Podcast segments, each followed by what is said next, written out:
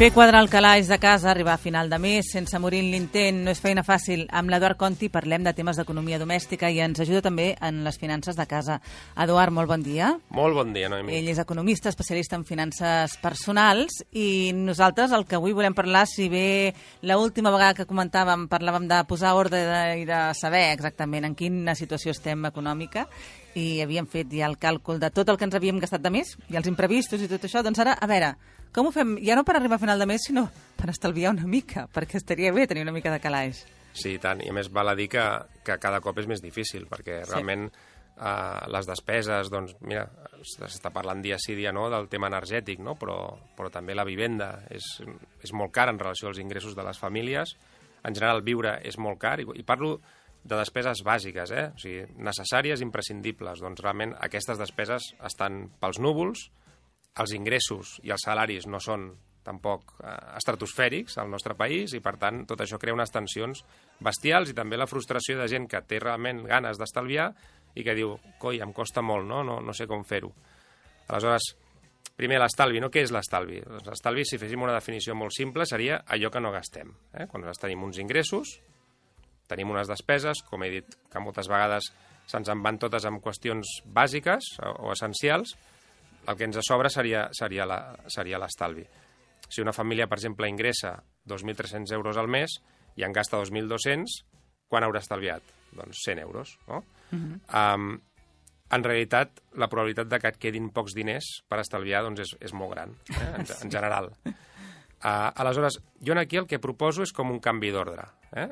eh? una mica conceptual, que l'estalvi deixi de ser allò que no gastem, eh? i la despesa es converteixi en allò que no estalviem. És igual, és a dir, invertim l'ordre. Eh? Mm. En lloc de, de que l'última cosa que fem és veure, mira, m'han sobrat aquest mes 50 euros, no? Doncs no, al revés. Eh?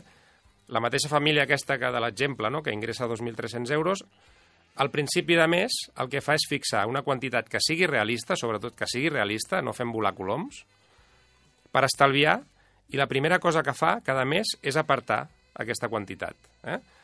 Aleshores, segur que estalviaran més que si només estalvien allò que sobra. Segur, perquè és que, a més a més, només l'efecte psicològic de no veure-ho ja en el compte corrent fa que ja no facis ús d'aquells diners, i en la inversa, si són, uh -huh. doncs gastes una mica més, no? Exacte, I, sí. I, a més a més que, que inclús ho podem automatitzar. Nosaltres podem donar un ordre al banc que digui, escolta, el dia 1 de cada mes m'agafes aquesta quantitat i me la posa en aquest altre compte, que és com un compte d'estalvi. Eh, és igual, ja, ja he dit, les circumstàncies de cada família són, són diferents. Hi haurà famílies que podran estalviar doncs, 200 euros, n'hi haurà famílies que podran estalviar 20 euros. És igual. Però, però quasi segur que si ho fan així, quasi segur que podran estalviar.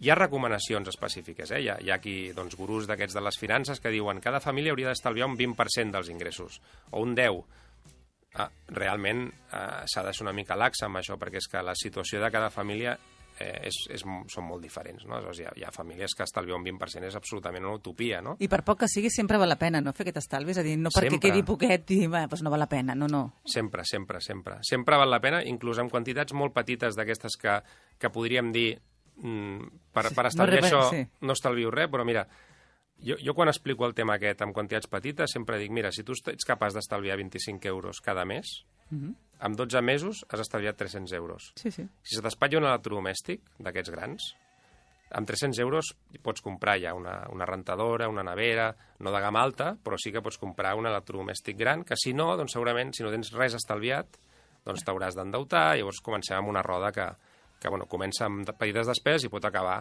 amb, amb problemes més, més grossos. Uh -huh. I això estàvem parlant d'aquest estalvi, però després hi ha unes teories que estan sortint ara també, que són aquest de dejuni financer. Sí, mira, el dejuni financer, tot això parteix de que realment gastar menys no és fàcil. No. Eh? no és fàcil no només per la gent que té molt pocs recursos, sinó inclús per la gent que en té molts, i s'acostumen a un nivell de vida, el fet de reduir aquesta despesa és, és una cosa molt complicada. Llavors, hi hi ha una periodista de especialitzada en finances personals, que escriu una columna al, al The Washington Post, es diu Michelle Singletary, i ella té una, té una proposta de dieta econòmica, no? que és aquest, aquest dejuni financer.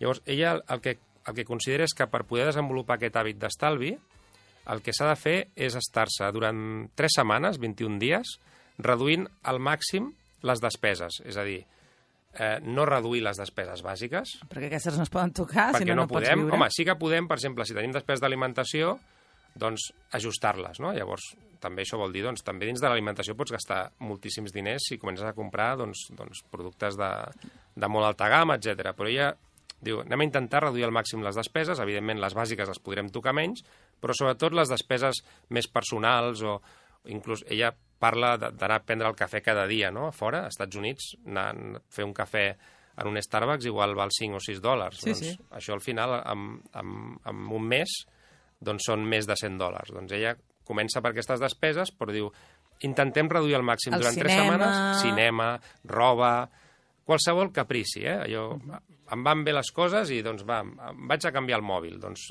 ella diu, posa el freno, ella diu tres setmanes perquè considera que en tres setmanes tu pots començar a crear l'hàbit. Jo personalment crec que tres setmanes és poc.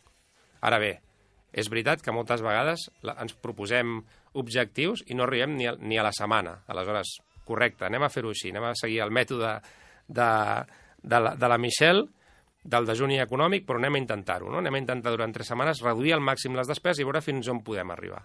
Mm, I també sabrem la capacitat d'estalvi real que tenim i la, Exacte. els cost, la, la, el gast su- superficial que moltes vegades fem, no? I que això és molt important, perquè no només és important per poder estalviar, sinó perquè a la vida, i cada vegada més, poden passar coses que ens redueixin d'un dia per l'altre els ingressos.